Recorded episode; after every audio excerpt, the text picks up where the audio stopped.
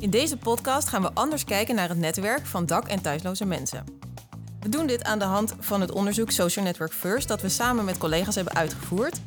In deze podcast nemen we jullie mee langs de eerste bevindingen. Mijn naam is Josine Steenvoorde. En ik ben Niels Hermens. Wij zijn allebei onderzoekers bij het lectoraat Empowerment en Professionalisering van Hogeschool Holland. Vanuit het lectoraat doen we onderzoek in het sociaal domein. En vandaag nemen we jullie mee in een onderzoek dat we doen naar dak- en thuislozen en hun netwerk. Je hoort onze collega Barbara in gesprek met cliënten, zoals met Tim, een ex-dakloze en ex-verslaafde man die sinds een paar maanden een eigen woning heeft in Amsterdam. En Wissem, een sociaal werker die zich als netwerkondersteuner ervoor heeft ingezet om een netwerk van dak- en thuisloze mensen te betrekken. Samen met Tim en Wissam vertellen we hoe we anders kunnen nadenken over het netwerk van dak- en thuisloze mensen. En hopen we jullie aan de hand van het onderzoek te informeren en inspireren. Laten we beginnen. Eh, Zelf doe ik ook heel weinig eigenlijk alleen. Als ik bijvoorbeeld ga sporten, dan doe ik dat veel liever met vrienden. Dus als ik op de racefiets stap, dan bel ik eerst een vriend. eh, of ik stuur een app in een groepje of, ik, eh, of we dat samen willen doen. Ook als ik bijvoorbeeld een lastige situatie heb, dan bel ik mijn familie of, of mijn vriendin of andere mensen. Om advies te kunnen krijgen of om mijn zorgen te delen. Wat ik ook altijd wel leuk vind, wij hebben in de straat zo'n straat-app. Een heel klein straatje hebben wij. Maar als iemand dus een boormachine nodig heeft of eh, een ei of eh, weet ik veel wat, dan eh, eh, zegt die, zet diegene dat in de app. Je kunnen elkaar zo helpen. Maar hoe zit dat bij mensen die dak- en thuisloos zijn? Want bij hun is er vaak geen netwerk of wordt er in ieder geval gedacht dat er geen netwerk is. En dat is ook wat ze zelf zeggen. Want vaak spelen er gevoelens van schuld of schaamte en relaties kunnen beschadigd zijn of uitgeput. Die relaties zijn vaak niet meer wederkerig. Jij hebt zelf ook als sociaal werker gewerkt. Wat voor een rol speelde het netwerk van cliënten toen in jouw werk? Nou, ik kan een voorbeeld geven van een mevrouw die ik begeleide. Zij zei, eh, als ik daarnaar vroeg, dat ze helemaal geen netwerk had, geen familie, geen vrienden. Maar als je goed luisterde naar wat zij zei, vertelde ze wel dat ze bijvoorbeeld hulp kreeg van de buurvrouw als haar kinderen opgevangen moesten worden. Of dat ze in de moskee vaak eh, toch wel om raad kon vragen. Dus er waren wel meer mensen in haar netwerk dan dat ze zei, als je er expliciet naar vroeg. Dus in je werk als sociaal werker, eh, als ik het goed hoor, merk je dat het belangrijk is om naar het informele netwerk te vragen van cliënten. Maar om geen genoegen te nemen met eh, het antwoord van nee, ik heb eigenlijk geen netwerk. Ja, eigenlijk wel. En eh, in ons onderzoekproject waar we nu aan werken, komt diezelfde boodschap dus ook steeds weer naar voren. Ja, dat onderzoeksproject dat heet dus eh, Social Network First. En voordat we verder gaan, is het denk ik wel goed als we daar wat nog wat meer over uitleggen. Wie eraan meewerken, hoe het is ontstaan en dat soort dingen. Wij dus vanuit het lectoraat Empowerment en Professionalisering van Hogeschool in Holland werken aan dit onderzoek. Dat doen we samen met het lectoraat Stedelijk Sociaal Werk van de Hogeschool van Amsterdam. En een aantal opvangorganisaties die dak- en thuisloze mensen ondersteunen in Haarlem en in Amsterdam. En het idee voor dit project is begonnen met, eh, bij HVO Querido. Dat is één van die, eh, van die opvangorganisaties. HVO Querido werkt in de ondersteuning aan, aan dak- en thuisloze mensen steeds vaker samen met het netwerk van die mensen. En zij eh, nemen nu eigenlijk namen een soort eh, een methodiek om dat te doen vanuit de GGZ over.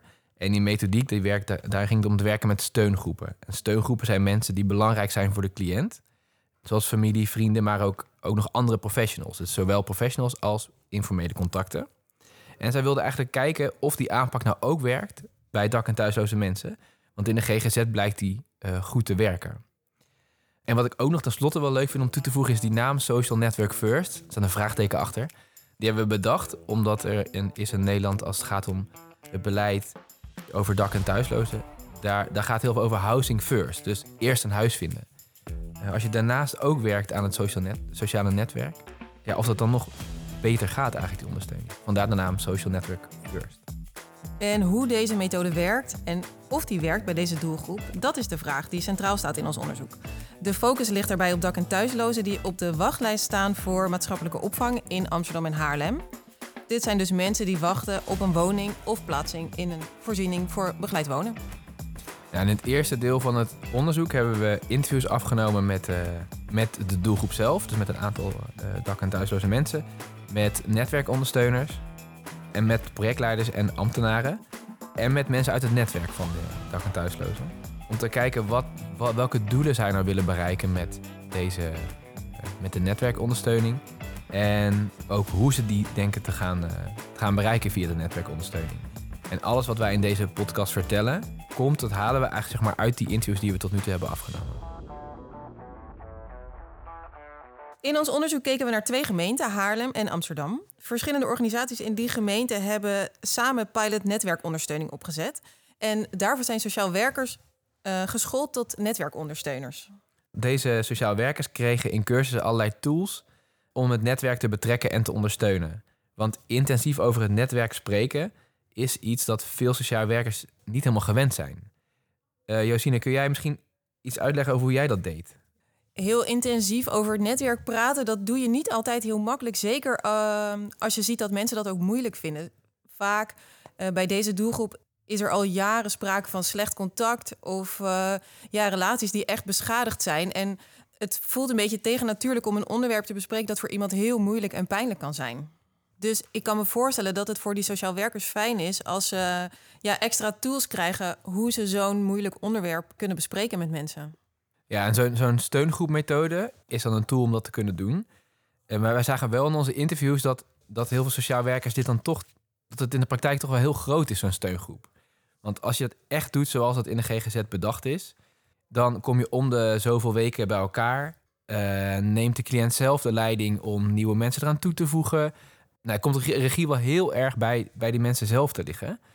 Uh, dat is natuurlijk heel goed, maar misschien vanwege de, de problematiek waar deze mensen te maken hebben ook wel erg zwaar.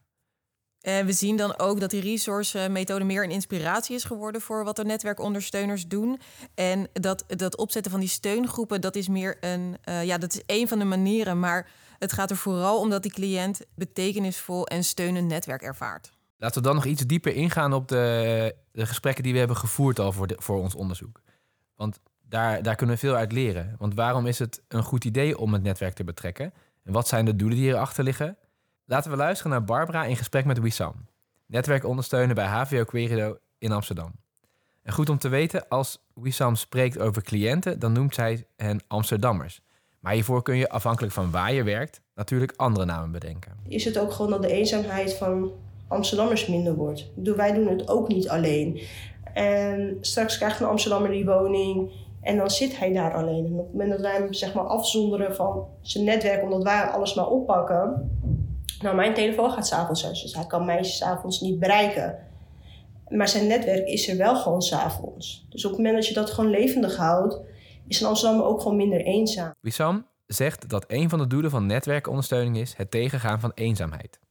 Ja, dat is een goed punt, dat uh, tegengaan van eenzaamheid. We hoorden ook in de interviews dat de problemen eigenlijk pas beginnen als mensen een huis hebben. Want uh, op straat zijn ze vaak niet alleen. Daar, daar zijn ze ja, veel samen met andere mensen die ook dakloos zijn. En als ze dan een huis krijgen, dan uh, slaat de eenzaamheid vaak echt pas toe. En een steunend netwerk is op zichzelf dus al een belangrijk doel van netwerkondersteuning. Ja, ander doel is uh, dat cliënten het gevoel krijgen dat ze meer controle krijgen over hun leven. En dat daarmee dan hun gevoel van eigen regie wordt versterkt. Dit slaat dan niet direct op dat netwerk van de cliënt, maar het is wel een van de doelen die de netwerkondersteuners proberen na te streven.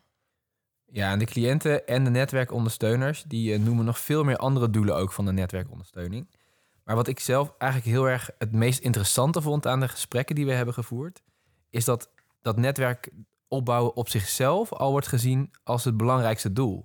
En dat vind ik interessant, omdat in beleid heel vaak die netwerkondersteuning of het betrekken van iemands netwerk wordt ingezet als een middel om al die andere doelen te bereiken. Dat is natuurlijk ook wel zo. Want je kunt natuurlijk zeggen dat door, door zo'n netwerk kun je doelen bereiken, zoals het vinden van dagbesteding. En wie heeft er nou niet ooit een baan of een woning gevonden via zijn of haar netwerk?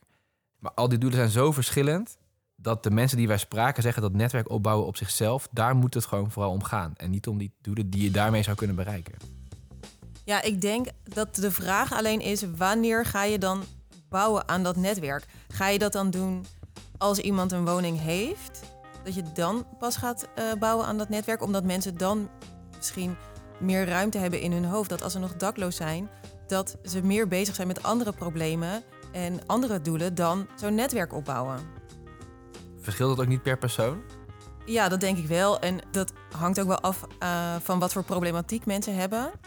En uh, ja, hoe de relatie met dat netwerk was. Want als mensen zich er heel erg voor schamen dat ze dakloos zijn, dan zullen ze niet zo snel weer naar dat netwerk ja, toegaan als ze nog steeds dakloos zijn. Dat moet dan eerst opgelost worden.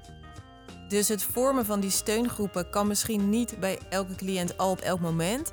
Maar het gesprek erover aangaan, daar kun je wel, daar kun je wel al mee beginnen.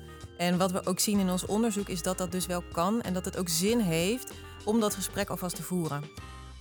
Oh, goed, nu hebben we een beeld waarom dat netwerk van die dak- en thuisloze mensen betrekken zo belangrijk is. Dit is het moment om te kijken naar hoe netwerkondersteuners dat dus doen. En wat voor acties of handelingen voeren ze uit tijdens hun werk, Niels? Ze zitten veel op hun handen. Wat bedoel je? Ja, dat vertelden ze ons. Ze zeiden ja, ze zitten gewoon veel op hun handen. En daarmee bedoelen ze dat ze niet steeds allerlei dingen zelf gaan regelen of overnemen van, uh, van de mensen die zij ondersteunen. En in dit geval is dat ze niet zomaar contact gaan opnemen met, uh, met een zus of een broer of de ouders van iemand. Uh, maar dat ze de regie daarover bij de, bij de dak- of thuislozen zelf laten. Wissam legt het aan Barbara als volgt uit. Het is wel echt wel op je handen zitten. En ik merk ook gewoon van als je op je handen zit, dat, dat iemand anders. Dat je eigenlijk bij iemand het gevoel creëert dat ze dus zelf iets moeten gaan doen. Omdat jij het dus niet meer doet. Oh, Oké, ja, ik snap het. Maar dat vereist wel echt een andere mindset van hulpverleners, toch? Want als je het zelf doet als hulpverlener, is het vaak veel sneller. Wat jij bijvoorbeeld in inschrijving bij de woningbouwvereniging, heb jij als hulpverlener echt binnen twee minuten geregeld, terwijl een netwerk daar misschien wel twee dagen over doet. Precies, het gaat hier echt om een andere mindset. Tim is jarenlang dakloos en verslaafd geweest, maar heeft nu sinds een paar maanden een appartement in Amsterdam West en hij is afgekikt. Tim vindt het belangrijk hoe hij eruit ziet en kijkt ook uit naar het moment dat hij weer een mooi gebit heeft. En hij noemt dat zelf, noemt hij dat het laatste stukje van de puzzel.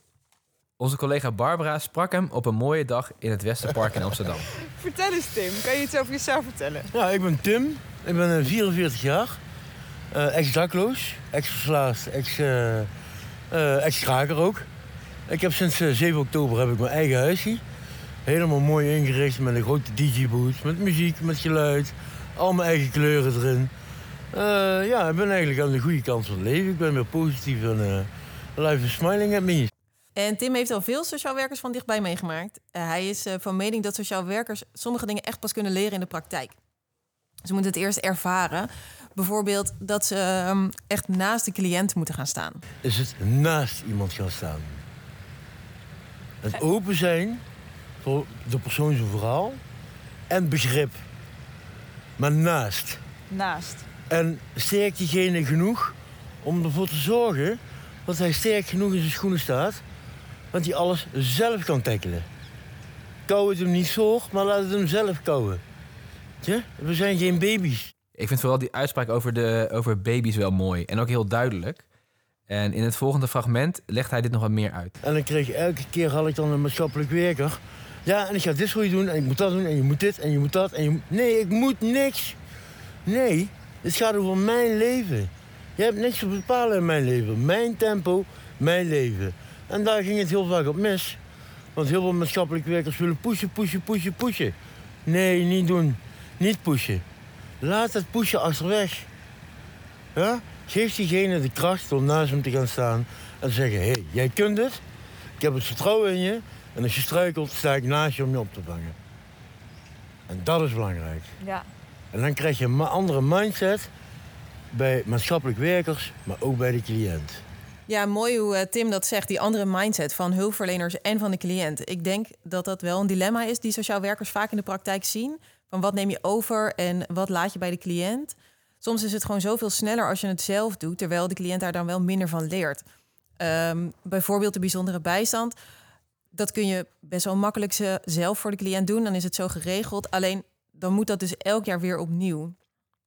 En als je het samen met de cliënt doet of je doet het samen met het netwerk, dan leert de cliënt daar meer van. En dat draagt ook bij aan zijn empowerment. Want dan heeft hij zelf het gevoel dat hij zelf zijn situatie kan verbeteren. En dat hij krijgt hij zelfvertrouwen omdat hij weet dat hij dingen zelf aan kan. Wissam, de netwerkondersteuner die we eerder ook al hoorden, maakt daarbij ook onderscheid tussen het begeleiden van cliënten en het ondersteunen aan de andere kant. Ze zegt het volgende over wat zij zelf doet als netwerkondersteuner. We beslissen niet meer, we leggen de regie heel erg in handen van de Amsterdammer en we ondersteunen. Dus ze staan gewoon net één stapje achter de Amsterdammer. En dat is ook gewoon het mooiste ook van, is dat je dan de tempo aanhoudt van je Amsterdammer. Bij begeleiden, Dan hou je jouw tempo aan als hulpverlener. En dat kan, kan soms gewoon veel te snel zijn voor een Amsterdammer. Achter de cliënt staan of naast de cliënt staan. Uh, Wissam en Tim noemen het allebei anders, maar ze bedoelen hetzelfde, toch? Ja, ze bedoelen allebei dat de cliënt de eigen regie heeft. Dat de cliënt zelf keuzes kan maken. En de netwerkondersteuner is om de opties voor te leggen en deze met, uh, met je te bespreken. En ook om te ondersteunen als het niet goed gaat. Maar dus ook om de cliënt het vertrouwen te geven dat hij of zij dingen zelf kan doen. En daarin ook nog succesvol kan zijn. Ja, en dat succesgevoel geeft iemand weer echt meer vertrouwen. Zeker als uh, mensen dat samen doen met iemand anders. Met een netwerk dus. Eerder in deze podcast hadden we het al over dat het heel belangrijk is om het netwerk bespreekbaar te maken uh, met, de, met de dak- of thuislozen. En we hoorden dit ook veel terug bij netwerkondersteuners zoals Wissam. Zij vertelt hierover het volgende. En ook eigenlijk vanaf het begin al meteen te vragen van... hé, hey, wie zijn de mensen om je heen? Heb je nog contact met je ouders? Heb je kinderen? Uh, waar woont je familie? Heb je vrienden? Hoe zag het er vroeger uit? Hè? Wie bel je als je in de moeilijkheden zit? Uh, uh, er zijn ook sommige mensen die dan ook zeggen van... hé, hey, hoe ziet je WhatsApp-lijst eruit? Mm. En in het begin kan dat ook wel echt terug... Er zijn cliënten ook wel terughoudend hoor. Die zeggen dan ook van... Nee, ik heb niemand. Nou, en het tweede gesprek kom je erop terug. En wat ik wel uh, interessant vind, is dat de, de twee dingen die we nu hebben gehoord, dus het op je handen zitten en het bespreekbaar maken van het netwerk, dat dat eigenlijk ook heel erg goed samengaat. Want als er bijvoorbeeld iets geregeld moet worden, dan vragen netwerkondersteuners vaak aan een dak- of thuisloze of er naasten zijn of mensen in hun netwerk die ze daarbij zouden kunnen helpen bijvoorbeeld voor het invullen van formulieren uh, of het inschrijven bij, de, inschrijven bij de huisarts. Dan kun je met je hulpverlener kan iemand dat doen, maar je kan dat ook vast wel doen met iemand anders erbij. Ja, het is wel belangrijk om uh, te noemen dat het, dat het inzetten van netwerkondersteuning niet bedoeld is om taken van de hulpverlener bij, de, bij het netwerk neer te leggen of af te schuiven. Soms wordt de hulpverlener wel ontlast op die manier, maar dat is zeker niet altijd zo. En in ons onderzoek kwam, kwam ook wel naar voren dat de meningen zijn verdeeld of sociaal werker nou wordt ontlast door netwerkondersteuning of niet. Wissam zegt dat ze in ieder geval niet zomaar verdwijnt, ook als het netwerk wel kan helpen. Zo zegt zij. Uh, het is niet zo dat als je familieleden je helpen of je netwerk je helpt, dat dan mijn begeleiding vervalt. Mm -hmm. Of dat je dan straks niet meer in een voorziening terechtkomt, omdat ze dan al zeggen van nou je hebt genoeg mensen om je heen of je kan zeven dagen per week bij je moeder slapen dat probeer ik ook altijd wel goed uit te leggen. Uh, omdat ik denk van hé, hey, zij moeten er ook voor jou zijn steunend. En ook om ervoor te zorgen hè, dat wij steeds minder hoeven te doen en dat het echt een samenwerking wordt met z'n allen. Daarnaast uh, laat ons onderzoek ook wel zien dat het echt verschilt per cliënt of je dat netwerk kan inzetten of er überhaupt over kunt praten.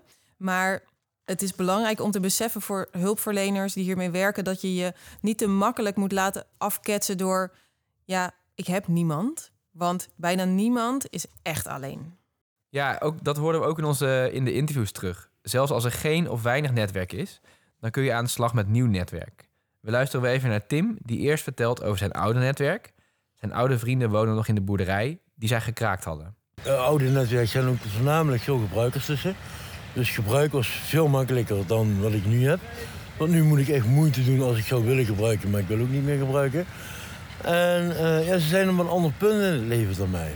Tim gaf aan uh, Barbara het voorbeeld van zijn verjaardag. Hij was uh, jarig en hij had ook zijn oude vrienden uitgenodigd. Hij had gezegd tegen ze dat ze van harte welkom zijn, maar dat er in zijn huis niet gebruikt mag worden. En uiteindelijk heeft hij een heel leuk feestje gehad, maar geen enkel van zijn oude vrienden was gekomen, omdat ja, dat gebruik toch heel belangrijk voor ze was. De boodschap die ik meeneem uit Tims verhaal is dat niet alle contacten in je netwerk per se goed voor je zijn. Uh, sommige mensen passen gewoon minder goed in je nieuwe leven, zoals bij Tim. En waarbij belangrijk is om te zeggen dat netwerkondersteuners daar zelf geen oordeel over hebben of geven.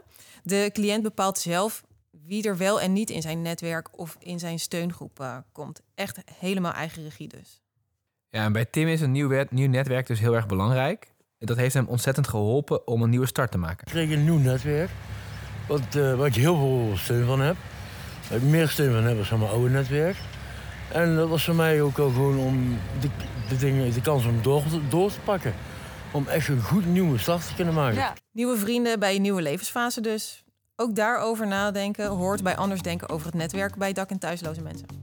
In deze podcast gaven we een inkijkje in de eerste bevindingen van het onderzoek Social Network First, dat Hogeschool in Holland en de Hogeschool van Amsterdam en HVO Querido samen uitvoeren naar netwerkondersteuningen bij dak- en thuisloze mensen in Haarlem en Amsterdam.